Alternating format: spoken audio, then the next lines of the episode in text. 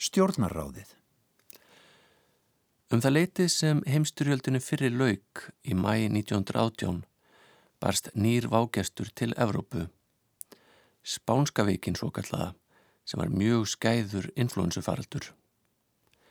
Almenningur var ítla í stakk búin til að takast á við veikina eftir hörmungastriðsins árun undan og lagði hún marga í valin. Talið er að Spánska veikin hafi borist hinga til lands með skipinu Botníu 19. oktober 1918. Þann sama dag var fullveldi Íslands samþygt. Haldur Lagsnes var einn af þeim sem lagðist og segir hann frá því í sjömestarsögu.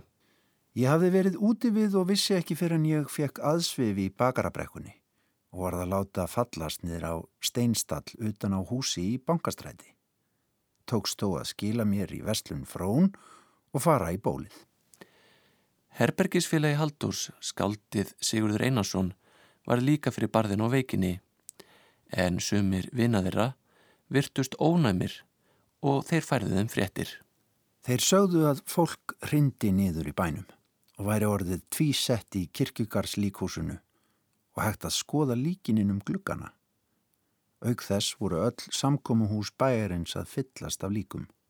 Sum í kistu, sum undir blæju. Furðu margir voru komnir á vísan stað eftir viku. 258 eru taldir að hafa látist af völdum veikinar í Reykjavík og á 500 á landinu öllu.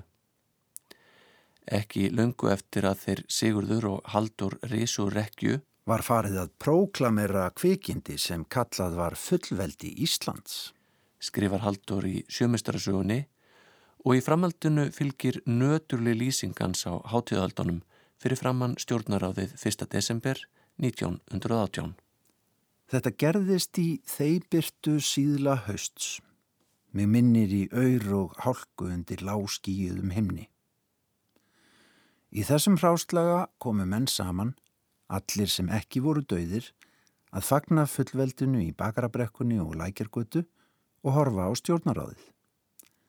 Var spilað á lúðranna, danskur herfóringi stýrði lítilli fylkingu sjóliða og kom með Íslandsfána í hendinni sem hann dró upp á stjórnaráðinu okkar til merkisum að Danir afhendu okkur Íslandingum hér með þetta djöfuls land gerði síðan onör og marseraði til skips með hermenn sína.